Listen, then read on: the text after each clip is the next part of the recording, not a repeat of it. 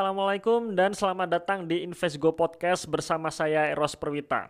Nah ini adalah episode ketiga ya, podcast episode ketiga sejak masuk tahun 2021 ya. Jadi setelah 20 hari masuk di tahun yang baru saya baru membuat tiga episode podcast ya. Jadi saya mohon maaf kalau mungkin teman-teman yang uh, sudah menunggu nih, menunggu kira-kira mau uh, episode apa lagi nih, mau membahas apa lagi nih dan ternyata uh, tidak sesering yang diharapkan ya saya mohon maaf. Tapi teman-teman juga jangan lepas ya atau harus stay nih di Invest Good podcast ini ya. Karena pastinya saya akan selalu membuat podcast ya, membuat podcast, membuat post podcast yang isinya adalah membahas mengenai saham-saham yang punya potensi multi bagger. Nah, mungkin bagi teman-teman yang baru baru masuk di bursa ataupun baru mendengarkan podcast ini mungkin masih bingung nih, multi bagger itu apa sih gitu ya. Nah, secara gampangnya ya, jadi kita nggak bicara mengenai sejarah atau asal-usul kalimat multi bagger dari mana, tapi secara gampangnya saja multi bagger ini adalah saham-saham yang bisa mencetak return di atas 100%. Ya, jadi kalau kita bicara mengenai saham, nah saham apa nih yang punya potensi untuk bisa memberikan imbal hasil atau return di atas 100%, bahkan 200%, bahkan lebih. Ya. Nah, nanti itu yang akan kita bahas di channel InvestGo Podcast ini ya. Nah, oke, okay, uh, eh, kita langsung masuk saja ke materi ya. Jadi di materi kali ini saya ingin uh, membahas mengenai rekam jejak pembelian saham oleh Pak Lokeng Hong ya. Nah, kenapa Pak Lokeng Hong ya? Karena pasti teman-teman semua sudah kenal nih dengan Pak Lokeng Hong ya.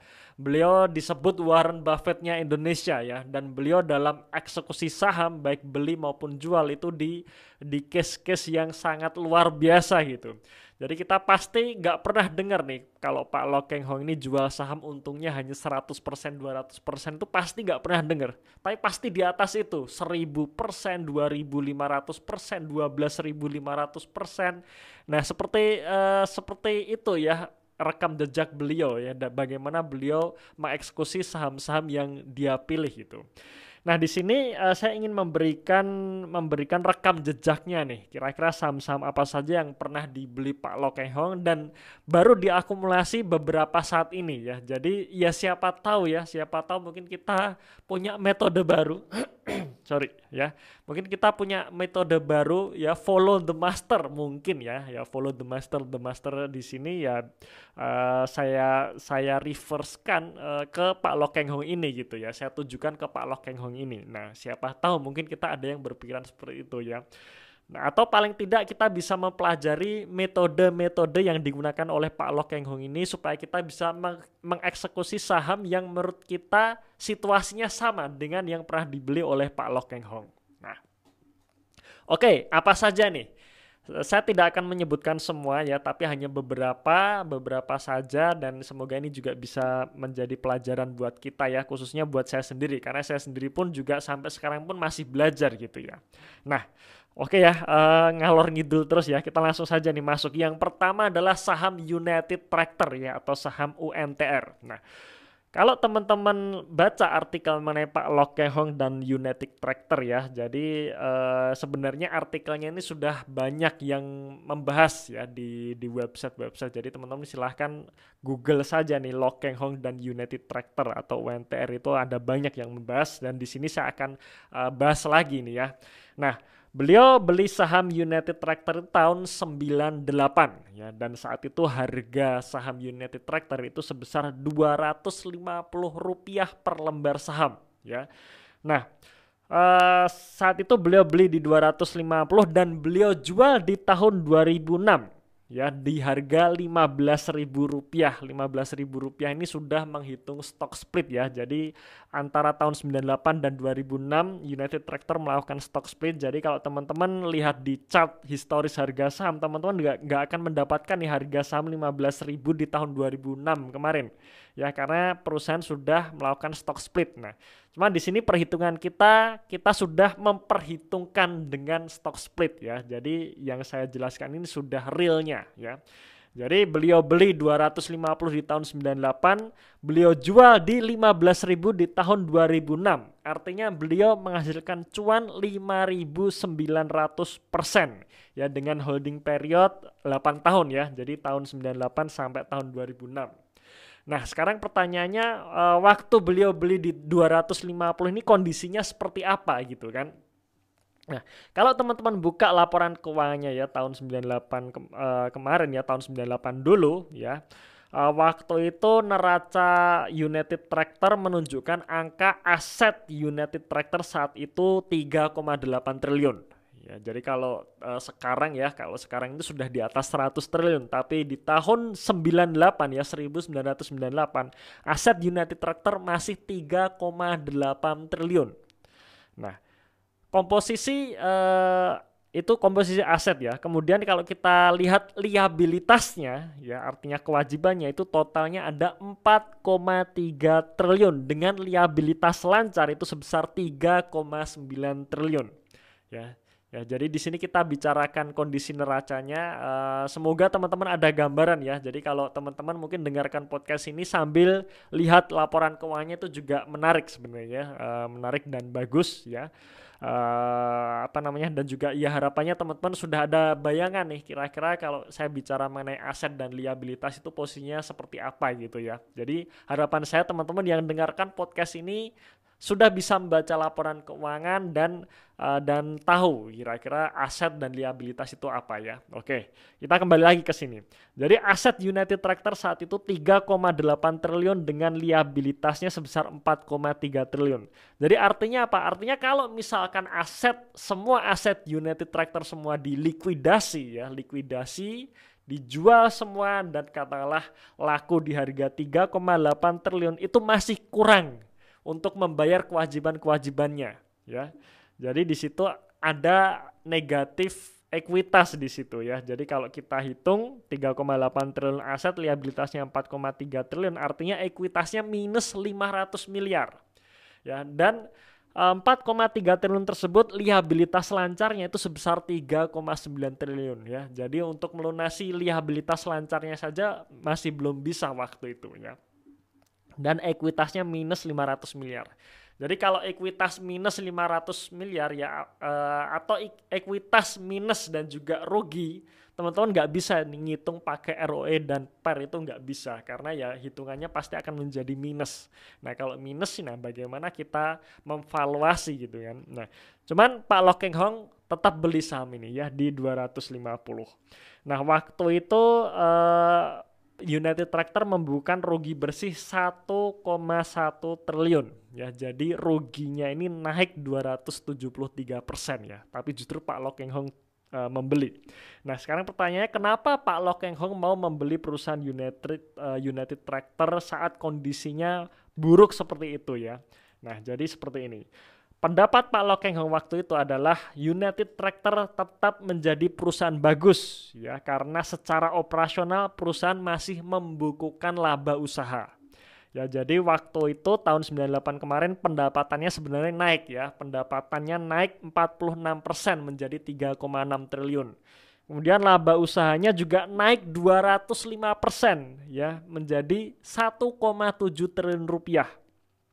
Nah, jadi atas dasar pendapatan dan laba usaha yang naik ini ya seharusnya uh, secara operasional perusahaan ini masih untung gitu dan ternyata setelah beliau lihat kerugian yang terjadi oleh United Tractor ini disebabkan oleh fluktuasinya kurs ya disebabkan oleh uh, apa namanya kerugian kurs yang sebesar 1,7 triliun rupiah ya. Nah, jadi beliau berkeyakinan waktu itu ya jika kurs kembali stabil ya. Jadi waktu itu tahun 98 uh, eh, mungkin kita bisa bisa baca-baca lagi historis tahun 98 itu kurs mata uang rupiah terhadap dolar itu fluktuasinya luar biasa gila gitu ya. Dari dolar yang tadinya hanya sekitar 2000 sampai 3000 per satu dolar, dolar tahu-tahu naik menjadi 15000 ya 15 ribu per satu dolar itu luar biasa makanya perusahaan-perusahaan yang punya hutang dalam mata uang asing pasti langsung bangkrut saat itu ya termasuk United Tractor ini United Tractor ini akhirnya uh, karena perusahaannya uh, mungkin ya mungkin masih masih banyak komoditas atau masih banyak peralatan-peralatan yang diimpor dari luar negeri makanya di situ terjadi kerugian kurs ya. Nah, kerugian kurs 1,7 triliun akhirnya United Tractor membukukan rugi bersih sebesar 1,1 triliun. Nah, cuman waktu itu beliau berpendapat suatu saat kurs rupiah akan kembali stabil, nggak mungkin akan uh, selalu uh, selalu tinggi seperti waktu itu terus gitu. Dan saat itu ber, uh, beliau berkeyakinan jika kurs kemudian stabil dan United Tractor membukukan kinerja yang positif, maka harga sahamnya nanti akan meroket itu. Dan memang betul, dan itulah yang terjadi gitu ya. Tahun 98 beliau beli di 250, tahun 2006 beliau jual di 15.000. Cuan 5.900 persen. Ya, dan itu luar biasa banget ya 5.900 persen cuannya. Nah ini yang bisa kita pelajari dari saham United Tractor yang dibeli oleh Pak Lok Hong tahun 98 kemarin. Nah apakah berhenti sampai di situ saja? Tidak ya Uh, tidak dan beliau tetap melakukan pembelian saham dalam masif ya dalam jumlah besar. Nah ini salah satunya uh, yaitu saham Indi atau Indika Energi ya. Nah jadi Pak Lokeng Hong ini membeli saham Indi waktu itu di harga 110 di tahun 2015 ya di sekitar di tahun 2015 ya. Nah, 110 sebanyak uh, sorry, harga di 110 per lembar saham sebanyak 110 juta lembar saham. Enam bulan kemudian harga saham Indi naik menjadi 600 ya. Jadi dari 110 menjadi 600 itu untung atau sudah cuan 450 persen. Tetapi nggak sampai itu saja ya. Tahun 2017 tahun 2017-nya Pak Locking Hong membeli lagi saham Indi di harga 855 ya kemudian uh, apa namanya kemudian di sorry kemudian di bulan September 2017 harga saham Indi meroket naik menjadi 2000 Ya di situ beliau menikmati cuan 1718% dalam waktu 2 tahun ya. Jadi 1718 ini saya hitung dari 2000 harga terakhir Pak Lokehung jual saham Indi ke 1100 ya 1100 saat beliau pertama uh, beliau membeli saham Indi di tahun 2015 kemarin. Nah, sekarang pertanyaannya adalah bagaimana kondisi Indika Energi saat itu ya. Jadi kondisi Indika Energi atau saham Indi uh, waktu itu tahun 2015 kemarin ternyata masih membukukan rugi bersih juga ya. Jadi memang beliau uh, beliau biasanya memang membeli saham ini saat perusahaan masih rugi karena waktu perusahaan rugi biasanya harga sahamnya ini anjlok gitu ya. Dan Indika Energi ini membukukan rugi selama tiga tahun berturut-turut ternyata ya. Jadi dari tahun 2013 sampai 2015 itu masih membukukan rugi. Nah, tapi waktu harga sahamnya di 110 itu menunjukkan PBV hanya 0,06 kali. Ya, 0,06 kali teman-teman ya. Ini sangat uh, sangat rendah sekali ya. Artinya market cap Indika Energi saat itu hanya 573 miliar rupiah saja. Nah, sekarang kita buka nih laporan keuangannya.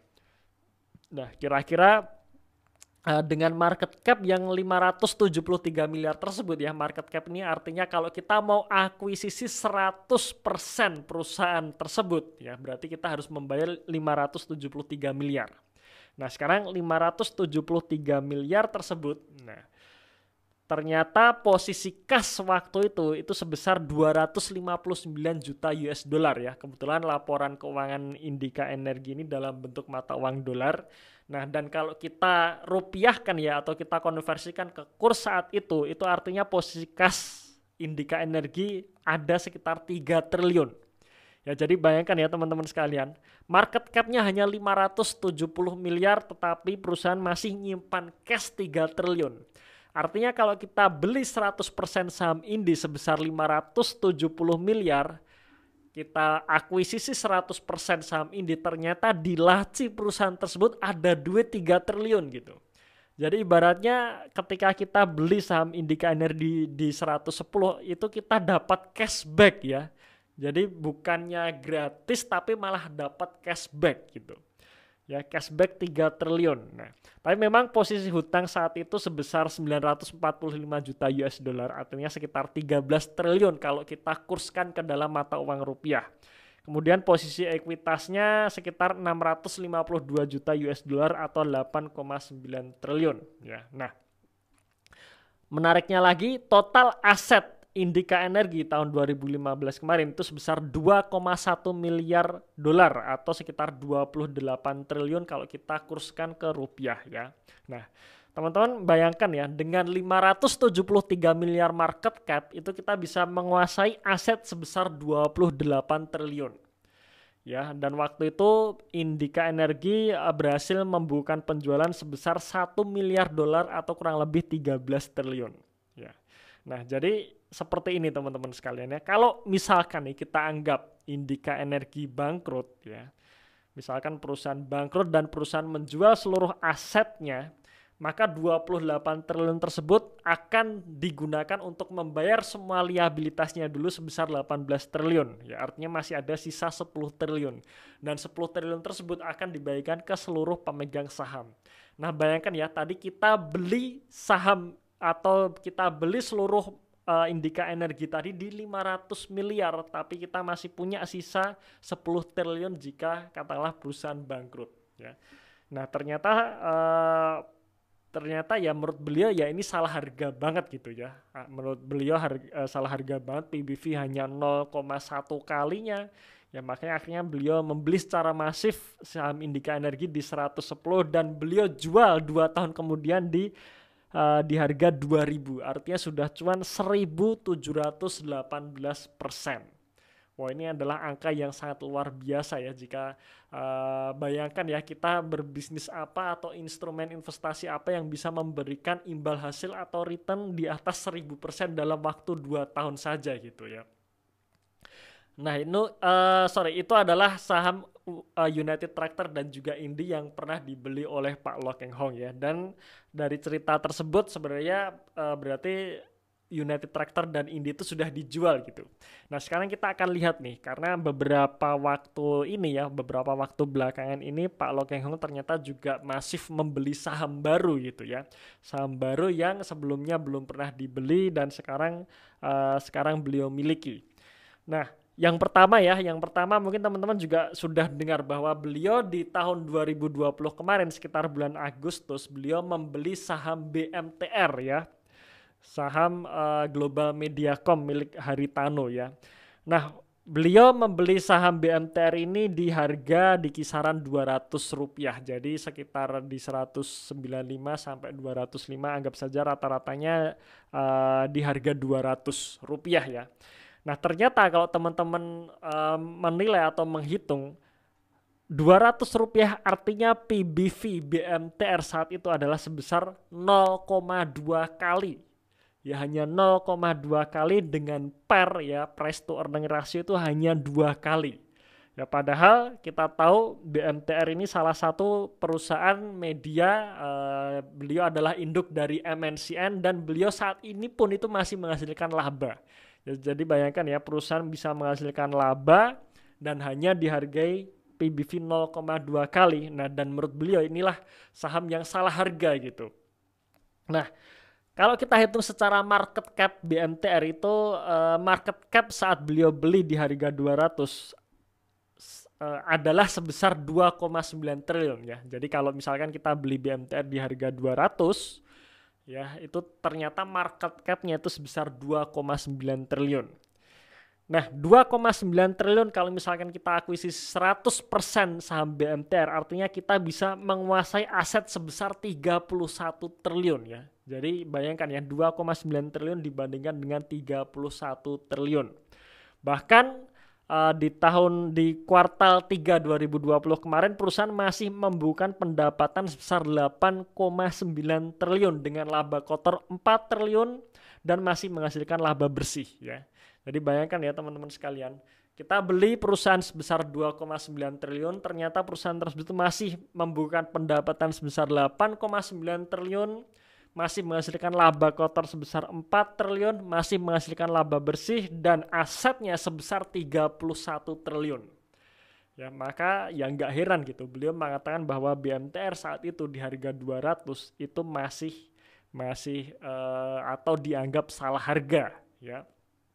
Nah, akhirnya ya beliau beli gitu. Dan sampai saat ini pun masih di hold kan ya. Uh, karena ya masih sekitar bulan Agustus kemarin jadi belum ada satu tahun ya. Belum ada bahkan belum ada satu bulan.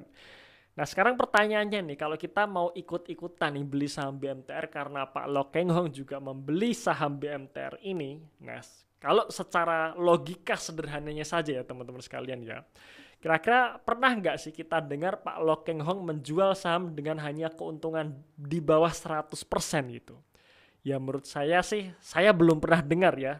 Saya belum pernah dengar, nggak tahu kalau teman-teman. Kalau mungkin teman-teman tahu uh, atau pernah mendengar Pak Lokeng Hong jual saham hanya cuan 50% ya teman-teman silahkan beritahu saya gitu ya.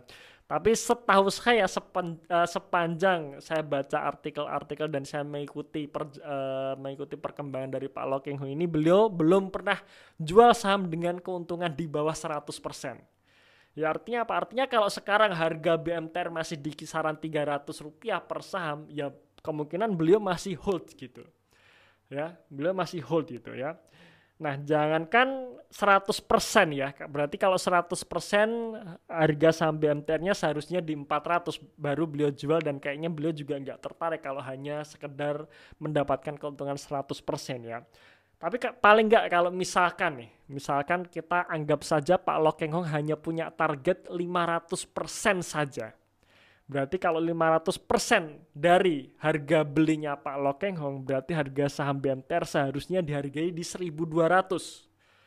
Ya, 1200 beliau uh, akan merealisasikan atau menjual saham BMTR ini dengan keuntungan 500%. Ya, sekarang pertanyaannya, mungkin nggak sih 500% beliau mau jual sahamnya? Ya mungkin mungkin saja ya kita nggak tahu.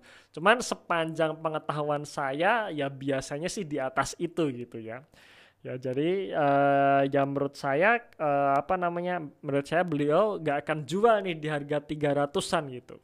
Ya kira-kira seperti itu ya Nah ini mengenai mengenai BMTR. Nah selanjutnya uh, yang keempat nih yang juga baru saja terjadi di bulan Januari ini ya beliau uh, sempat diwawancara oleh CNBC Indonesia. Beliau mengatakan bahwa beliau ternyata sudah mengkoleksi saham GJTL ya Gajah Tunggal.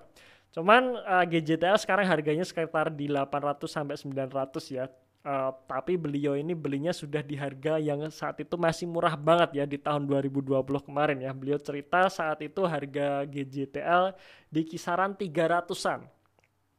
Nah, kalau kita hitung berdasarkan laporan keuangan terbaru kuartal 3 2020 ya, dengan harga saham GJTL 300 itu artinya PBV-nya hanya 0,2 kali. Ya 0,2 kali dan market cap-nya itu hanya 1 triliun.